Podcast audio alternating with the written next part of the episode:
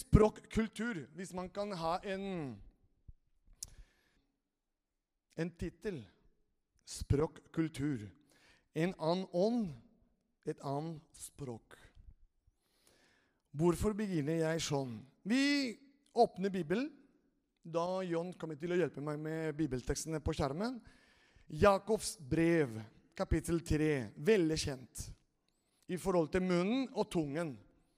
Jakob beskriver ganske nøye hvordan er det munnen vår, og hvordan er tunge også, vi kan bruke. På godt og vondt, hvis man kan si det sånn. Vers 3. Og før jeg skal lese, jeg ber deg, Jesus, og Hellig Ånd, hjelp meg når vi skal gå inn i ditt ord med våre hjerter åpne. Hjelp oss til å ta imot det du har i kveld, for hver enkelt av oss i Jesu navn. Amen. Vi legger jo bissel i munnen på en hest for at den skal lystre oss, og da kan vi styre hele hesten. Slikt er det også med tungen. Den er en liten kroppsdel, men kan skryte av sin store makt. Ja, en liten ild kan sette den største skog i brann. Men tungen makter ikke noe menneske å temme. Skiftende og ond som den er, full av dødbringende gift. Tenk du, tunga di kan være. Og min. Men den lovpriser vi vår Herre og Far, og med dem forbanner vi menneskene som er skapt i Guds bilde. Med det, det er en uh, intro og innledning i det på en måte jeg tror Gud har lagt i hjertet mitt og forberedt meg til dette for alle oss. Og med det går vi til Det gamle testamentet for å få litt konteksten av alt det på en måte vi har lest i forhold til tungen, hvordan vi kan uttrykke våre følelser og det vi ser med fysiske øyne. Det er viktig. Og her har vi en veldig bra bilde av hvordan kan du og jeg kan gjøre en forskjell i det man skal si. I 4. Mosebok, kapittel 13, det er en historie her hvor Moses fikk en beskjed fra Herren, fra Gud. Så mens jeg hører Bibelen din, eller du går på telefonen din og finner det I kapittel 13 vers 1 og 2. Vi begynner med det. Herren talte til Moses og sa, send ut noen menn for å speide på Kanans land, som jeg skal gi til Israels barn. Hvem skal gi til Israels barn Kanans land? Gud. Da vi må understreke det. Er dere med? Kan dere gi meg en eh, respons på det? Sånn. Ja, veldig bra. Og da håper vi, for det kommer ganske mange navner der for å oppsummere det på en måte jeg skal eh, formidle. I vers 18 det står Se hvordan landet er, og om folken som bor der. Det er oppgave av disse speidere, eller de forskjellige personer som skulle speide det. Er sterk eller svak, lite eller stort? Hvordan er landet de bor i? Er det godt eller dårlig? Hva slags byer holder de til i? Er det tettleier eller befeste byer? Hvordan er jorden? Fruktbar eller mager? Vokser det trær der eller ikke? Vær modig og ta med noen av festegrødene i landet. Det var tiden, tiden for den tiden for de første druene. I vers 25 da 40 dager var gått, vender de tilbake etter å ha utforsket landet. Til Moses fortalte de. De kom tilbake. De valgte tolv stikker, og de kom tilbake. Og de fortalte til Moses. Vi kom inn i det landet du sendte oss til. Det flyter virkelig melk og honning. Og dette er frukten som vokser der. Men folket som bor i landet, er sterk, og byene er befestet og svært store. Der så vi også anakitter. Det er folket som bor der også. I Negev landet bor det amalekitter. I fjellet bor det hetitter, jevusitter og amoritter. Og ved havet og langs Jordan bor kananeerne. Her kommer den første personen som bruker munnen sin til noe godt. Som jeg leser og tenker litt i den tiden. Kalev roet ned folket foran Moses. Kom, så går vi opp og inntar landet, sa han, Kalev. Vi kommer helt sikkert til å seire over dem. Det er en type språk som jeg vil lære i det daglige, uansett fysiske øynene mine ser det motsatte. Fordi vi kan komme ned med argumentene og logikken som kan hindre hemmeligheten Gud har for deg og for meg. Så Kaleb roa ned folket foran Moses og sa det han sa. Kom, så går vi opp inn til landet. Da er det positivitet, da er det tro inni det. Da er det som begeistring. Noe som du og jeg som Guds folk skal ha. I vers 31.: Men de mennene som dro opp sammen med han, sa Hør nå hva de andre sa. Vi kan ikke gå til angrep for, på dette folket, fordi de er sterkere enn vi. Hvordan de visste det, det vet jeg ikke. Men det de så med sine øyne, de fysiske øyne, gjorde noe inntrykk på dem. Hvor mange av dere også kan bli påvirka av situasjoner som er veldig vanskelig i ditt liv. Og så i hvert fall i de to årene som gikk allerede med korona og alt. Og så situasjoner som vi så, som vi opplevde, som vi levde. Kunne våre fysiske øyne komme med sånn type Nei, vi kan ikke. Jeg kan ikke. Dette blir vanskelig. Det går ikke. Det er en type språk som kan påvirke negativt i forhold til vårt tro på Gud. Derfor er det på godt og vondt. Og så fortsetter de. De satte ut rykter blant israelittene. Og landet de hadde utforsket, de sa det landet vi dro gjennom og undersøkte, er et land som fortærer dem som bor der. Og alle folkene vi så, var storvoksne menn. Der står vi kjemper også. Anakittene hører til kjempene. Og så hør dette her. I egne øyne, i deres øyne Allerede de proklamerte med sin munn følgende I egne øyne var vi som gresshopper. Og det var vi i deres øyne også. Jeg vet ikke hvordan de visste det. Men allerede de ble påvirka fullstendig av det de så med fysiske øyne.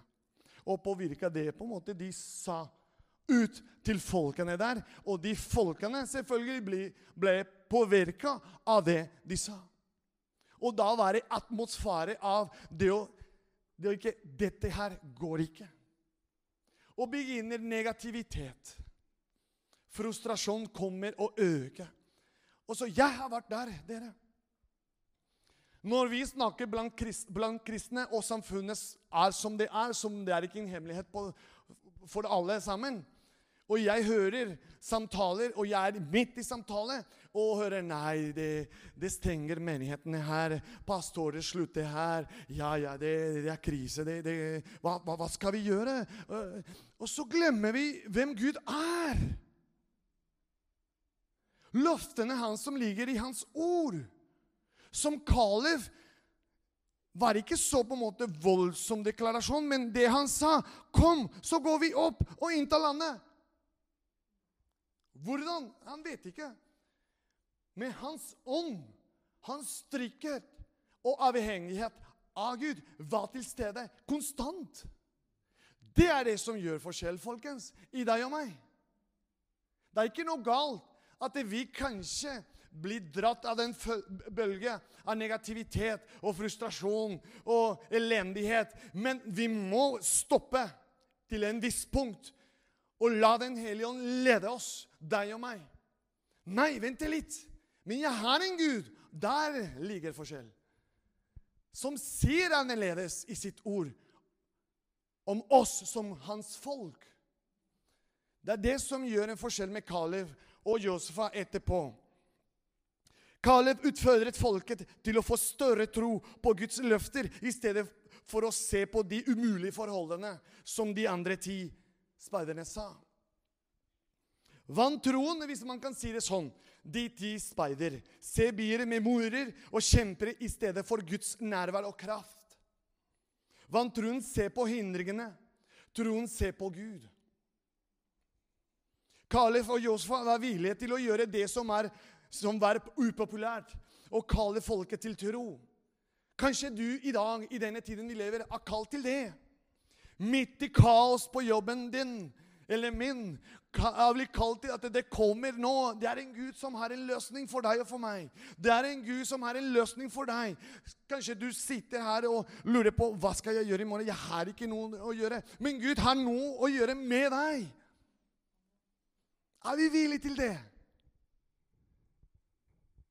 Venezuela, folkens. Jeg, jeg fikk ære til å være der. Der er det folk som vet ikke om de skal spise i morgen mandag. Men de er til stede og lovpriser Gud og er trygg i Han at han skal forsørge dem på en eller annen vis. De vet ikke hvordan og når. De bryr seg ikke om det. De bryr seg bare der og da, og de priser Gud. Løsning kommer i tillegg. Søk Guds rike først. Gud er veldig tydelig i sitt ord.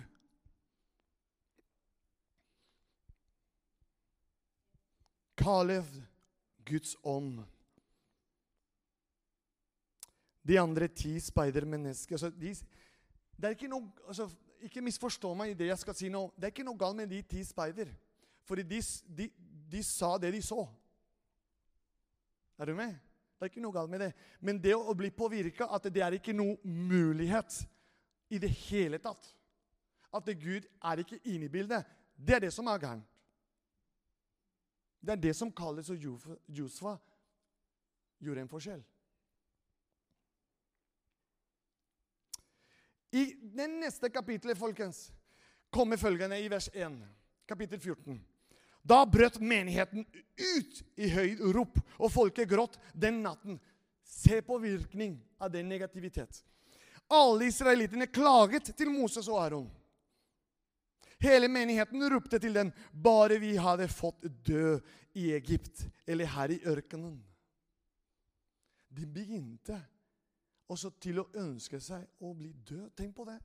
Så alvorlig kan være det du sier på, gjennom munnen din.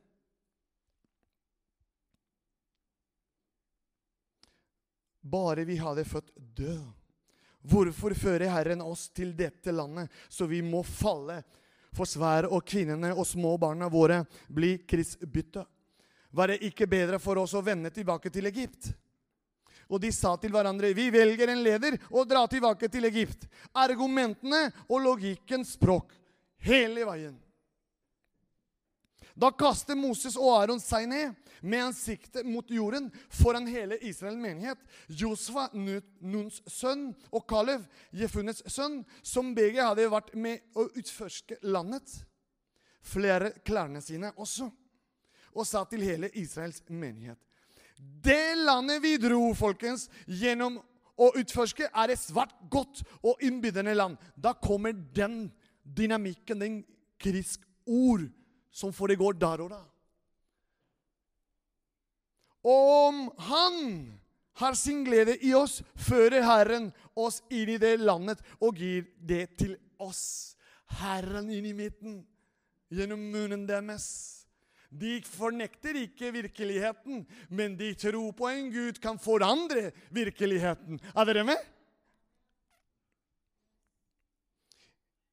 Gjør bare ikke opprør mot Herren. Dere skal ikke være redde for folket. Tenk på det! Dere skal ikke være redde for folket.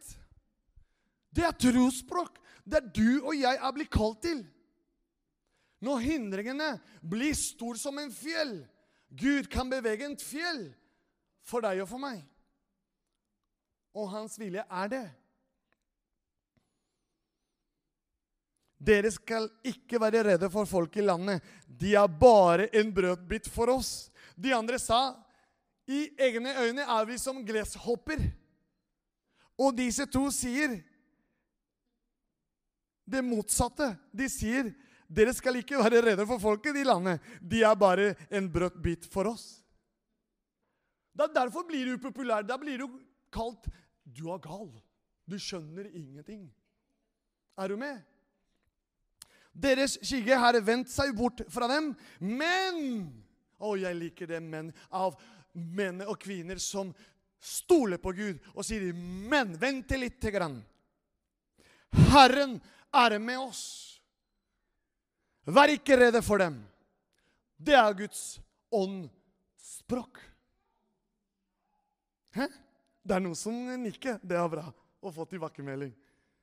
Det er godt å vite at vi har en Gud som kan endre hindringene og gir oss muligheter, instrumenter, gir oss en bror, en søster, gir oss en menighet hvor vi kan være en del av. En mulighet til å ringe hverandre, til å sende en SMS med Guds ord og oppmuntre deg og meg. Vi får en mulighet daglig og konstant. Det er opp til deg og meg å engasjere vi oss. Fordi det er det jeg så i Venezuela, folkens.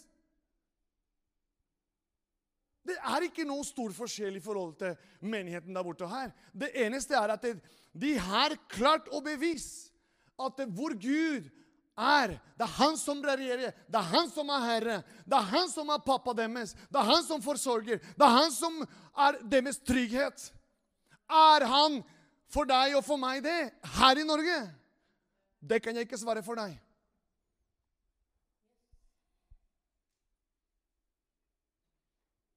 Det er det eneste forskjell.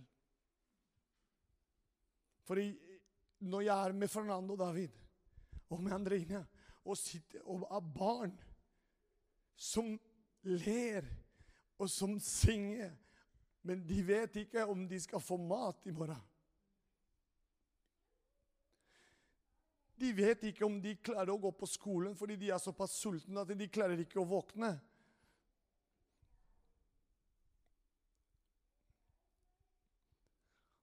Dere har hørt ikke fra meg, men fra andre predikanter, norske predikanter. Vi har det for godt her i Norge. Og jeg er glad for at det er ikke bare meg som, som sier det, for jeg pleier ikke å si det. For jeg elsker det norske folket. Jeg elsker dette landet. Og jeg vet Gud har en plan for dette landet. Selv om samfunnet sier det motsatte. Og alle omstendigheter som, og de bevegelser som reiser seg opp for å knekke oss, kan reise seg opp, og så ser det store ut, og, og det blir og så liksom Å, det er skremmende. Nei! De ses ut som en brødbit, som uh, Kalev sa. For oss. Hvorfor det? Fordi Herren er med deg og med meg. Vi er hans menighet.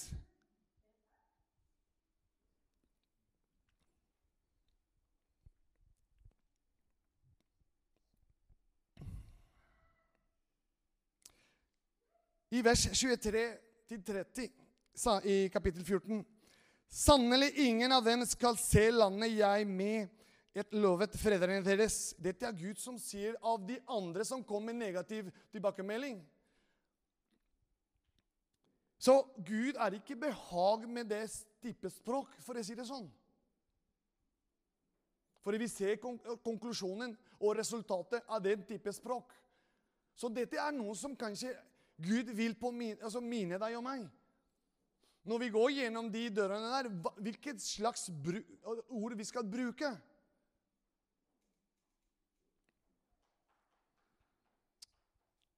Sannelig ingen av dem skal se landet jeg med et lovet fedrene deres.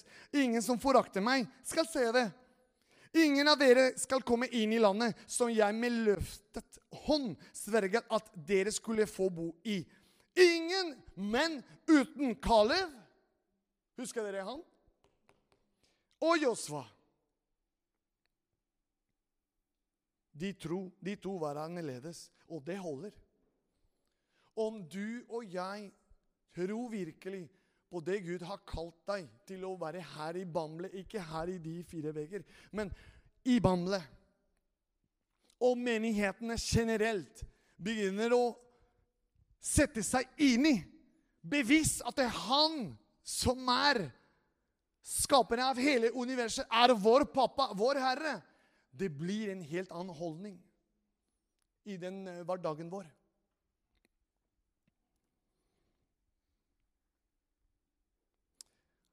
En ting som jeg ser her i hele historien, det er det store problemet som Israel-folket opplevde hadde sin opprinnelse i at de ikke hadde fulgt instruksjonene som Gud hadde gitt dem. Her er det noe interessant. Følger vi veiledelse, instruksjoner som Gud har gitt oss som menighet? Generelt, ikke bare Betania, men generelt. Det er et godt spørsmål, og det er en helt annet tema. Når de sendte de tolv speiderne hadde, sang, hadde Gud sagt tydelig til Moses Send ut disse som jeg skal gi til Israels barn. Så det var en garanti. Det er Gud som skal gi det.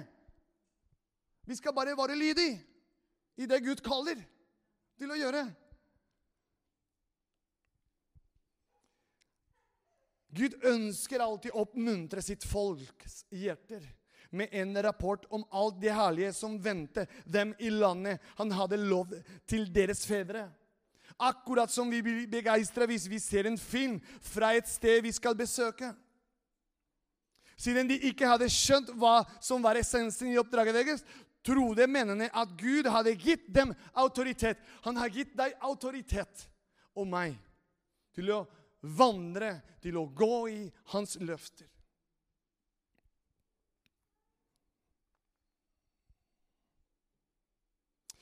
Det er også interessant å observere argumentene disse mennene brukte for å rettferdiggjøre sin rapport. I forklaringene som de gav, ser vi tydelig bevis på en av de mest brukte strategiene som djevelen, fienden, bruker mot Guds barn. Det er det. Den type språk. Han henvender seg til menneskets sinn og kommer med logis logiske og vel overveide argumenter, slik at personen gir opp det som Gud hadde bedt han eller henne å gjøre. Er dere med? Vi ser, og nå folkens, dere må følge med Vi ser at dette er vanlig hvis vi observerer livet til flere av Bibelens personligheter. Og dette er interessant. For ikke følge deg fordømt i det jeg formidler nå. For nå, hører, nå kommer du til å høre det andre her i Bibelen som streva og sleit med det også. Nå må dere følge med. Hvis vi ser på Moses' kall Moses, hallo, altså. Han kom med minst tre argumenter for å bevise Herren om at han hadde begått en feil. At de ikke ville tro han, at han stammet, og at han var en uviktig person. Alle disse tingene stemte. Men Gud hadde en helt annen plan. Er dere med? Når Gud kalte Gideon Han liker jeg. Som var argumentet at han var den minste i en fattig familie. Det var også sant. Men Gud hadde en helt annen plan for ham. Når Saul så Davids villighet til å kjempe mot Goliat. Dere kjenner den historien. Så han ned på han fordi han var en ung, ung gutt uten erfaring i krig. Det kan virke at du har ikke noe erfaring, men Gud har kalt deg. Det er det største forskjell. Gud kommer til å utruste deg og forme din karakter mens du holder deg tett til ham. Nær til ham. Er dere med? Mm -hmm. I alle disse tilfellene så var logikken på siden til personen som diskuterte med Gud. Har du diskutert med Gud? Jeg har gjort det. Har du gjort det? Én og to. Er det sant? Har dere ikke diskutert med ham? Ja, jo, jeg er sånn forsiktig, men da er du med. Ja. Han velger ikke den som vi velger. Det er nesten alltid sånn. Og det er takknemlig. Gud velger ikke den, dem som vi velger. Han gjør heller ikke ting som vi ville gjort. Det. Det er ikke noe galt i å grune på ting, Men når det gjelder å følge Herren, så burde vi ikke la argumentene lede deg og meg. For det er det som skjer. Argumentene kan være så nydelige å høre at du Ja, ja, det er sant. At du mister hele troen din. Men kan ikke vi reise oss som Guds folk, som Guds menighet, og hjelpe hverandre? For det er ikke lett, folkens. Det er ikke lett for meg heller. Jeg kan se ting som Dette kommer ikke til å gå. Jo, Fernando, vi ber, og vi tror, og vi beveger oss. For Gud har lovta dette her. Gud har sagt det. Og sier du det, da, da henger jeg meg med. Da blir det en helt annen ånd som styrer situasjonen.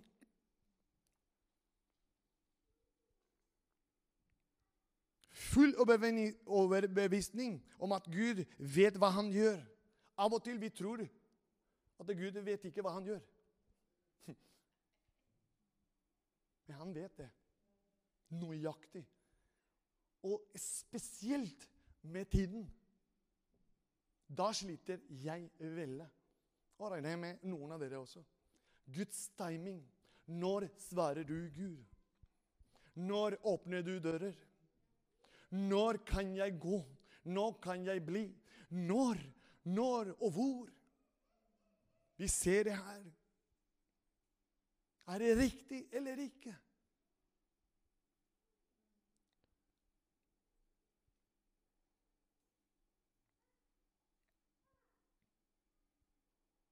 Når Josefa tok over lederskapet, at folket kunne innta det landet som Gud hadde lovt dem.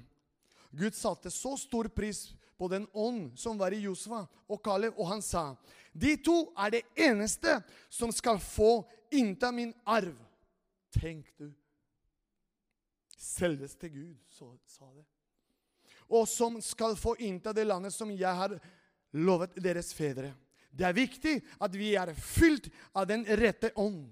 Ikke den negative holdningen som fulgte Israel barn og klagde hele tida, og som sa 'det nytter aldri'. Vi er som gresshopper. Husker dere det? De sa det. Josua og Kalev budskap var Gud er med oss. Hvis Gud har lovet oss at landet er vårt, så vil vi ta det. Og fienden vil ikke for oss å være som en brødhvit for oss. Helt motsatt. Med barna, men barna, den unge generasjon, tok til, seg næring av den tro og pågangs mot som disse to, Kalev og Josfa, hadde. Så da Josfa endelig fikk lede Israel folk inn i landet, var det en samlet menighet full av tro og begeistring som gikk rundt Jerikos murer i syv dager. Og dere husker hva som skjedde. Hvis ikke, gå i Bibelen din i morgen eller i kveld og les det i Josfa 6. Ja, da er det noen som sier det. Da forventer jeg at du skal lese det. Ja. Men min tjener Kalev, fordi det var en annen ånd i ham det finner du i vers 24 i kapittel 14. Dette er Gud som sier det, folkens. Tenk at det Gud sier, 'Emilie, hun har en annen ånd. Hun har min ånd i henne.' Hei, Emilie. Eller Emily. Eller Trond. Eller Karina. Eller Sergio. Eller Morten. David. Greta. Jeg er så glad å se deg, Greta. Ja, det, det må jeg si. Veldig glad at du er her med oss.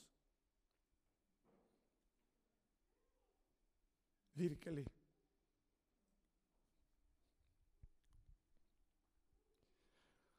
Det er godt når vi ser folk som har ikke vært her på forskjellige omstendigheter i livet, men de kommer igjen.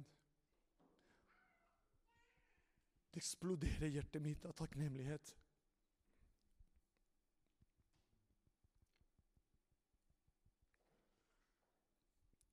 Da kan lovsangteam komme fram. Det er litt til. Dere tåler det. Det er litt til. Men eh, jeg vil at uh, lovsangteamet skal være klar. Ja.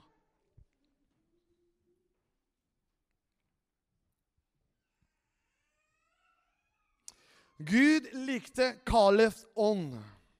Over 40 år senere får vi se hvordan Kalef får oppleve oppfyllelsen av løftet som Gud ga. Og det er meget sterk å lese om den 85 år gammel Kalev og den styrker og tro som fortsatt fylte ham. Så dere som er oppi årene Gud bryr seg ikke om alder. Vi ser det her. Bryr seg om hjertet og begeistring du og jeg kan ha i Han. Så det kan være ungdommer, barna, voksne eller eldre som hadde rette holdning og begeistring til Gud. Kalev 85 år gammel. Og han sa, 'Jeg er fortsatt sterk'. Hvordan bruker vi munnen? Er vi med? Til, til slutt Jeg skal lese en liten sånn tekst av Bibelen i Josfa 14. Fra 6 til 12. Eller skal vi se Vi kan lese der, men finne i ditt Bibelen, og så følg med. Men jeg holdt meg trofast til Herren min Gud. Den dagen sverget Moses og sa, sannelig det landet som din fot trådde på, skal være din, og dine barns arv til evig tid, fordi du trofast holdt deg til Herren, min Gud. Trofasthet, det er noe som Gud ser etter hjertet ditt og mitt. Og nå ser du at Herren har gjort med meg som han sa. Han har latt meg leve i 45 år fra den tid Herren talte disse ordene til Moses. Hele den tiden Israel vandret i ørkenen. Og i dag er jeg 85 år gammel. Ennå er jeg like sterk. Jeg liker det språket, altså. Og jeg håper når jeg er 85 år, jeg skal ha samme språk. Ennå er jeg like sterk som jeg var den dagen Moses sendte meg ut. Min styrke er det sammen nå som den var den gang. Både i strid og til å gå ut og inn. Trygghet i Han. Folkens, trospråk. Altså, nå ser jeg ansiktet deres, og det er kjempe, kjempefint. For alle, når, når vi snakker om tro, da er det sånn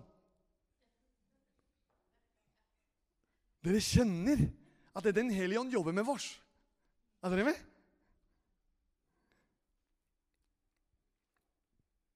Ja.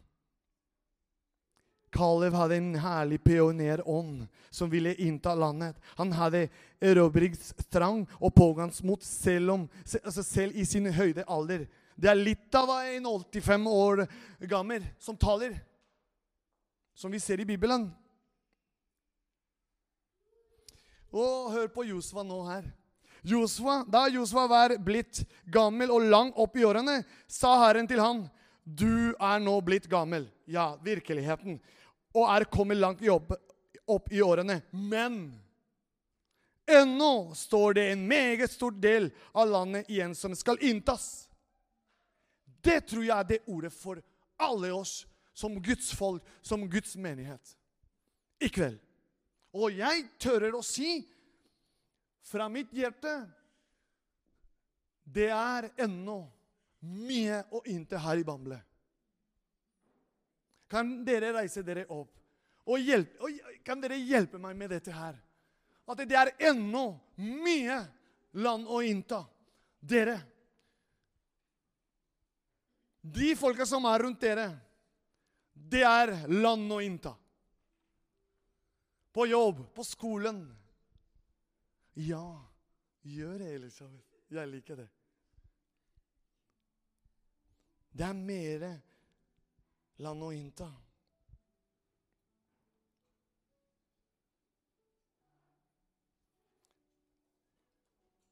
Vi behøver en oppreis, en vekkelse i vårt land. Men kanskje kommer det et spørsmål, argumentene, hvordan vi skal gjøre det. Du ser det er ikke så mange som er der, og bra, og der tilbake, fram og tilbake. Nei! Han er med oss! Tror vi på det? Ja. Vi vil se skarer av mennesker bli frelst her i Bamble. Og levende menigheter blomstrer i byen her og bygder. Norge trenger å se at Jesus lever, folkens. Og at Guds ord har noe å si til oss i dag. Rett inn i vår samfunnssituasjon. Og med dette jeg vil jeg slutte. Vi har med andre ord et felles oppdrag. Og til dette trengs pionerer. Og du er en pioner der hvor du er. Og du er en pioner der hvor du er. Og du er en pioner der hvor du er. Jeg er en pioner jeg hvor jeg er. Dere også. Amen.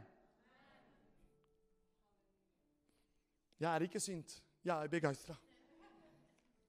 Dere skjønte det. Og det er så mange ting eh, jeg kunne fortsette å dele med dere. Men jeg vil si noen ord på spansk. For jeg vet det er flere her som kan spansk, og kanskje sliter litt med, med norsk. Noen i det hele tatt, som min bror, skjønner ikke norsk. Og jeg setter pris at han satt der og hørte alt. Sergio.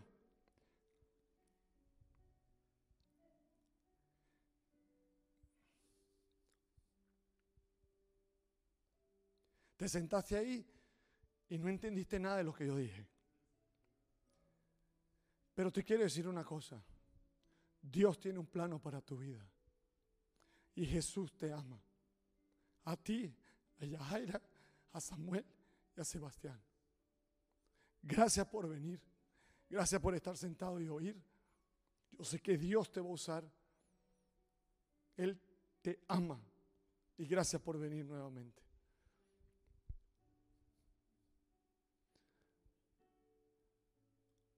Hvis du vil vite hva jeg sa, det må du spørre etterpå. Men oppsummert jeg sa til han at Jesus elsker ham. Og vil forandre hans liv og hans familie.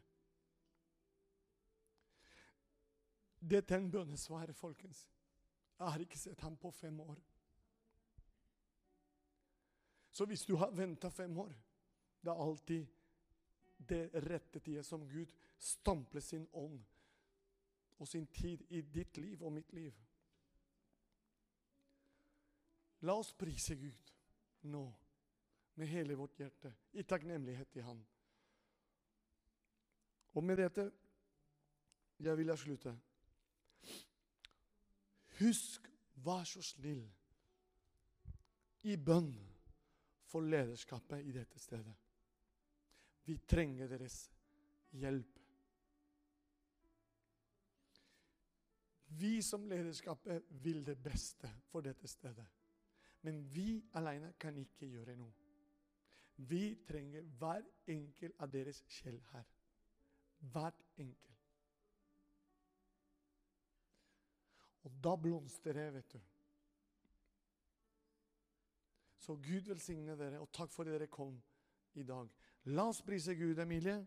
La oss prise Gud, folkens, med begeistring, med glede. Så vi kan gå og starte uke med en helt annen holdning og en helt annet språk. Amen? Kom igjen.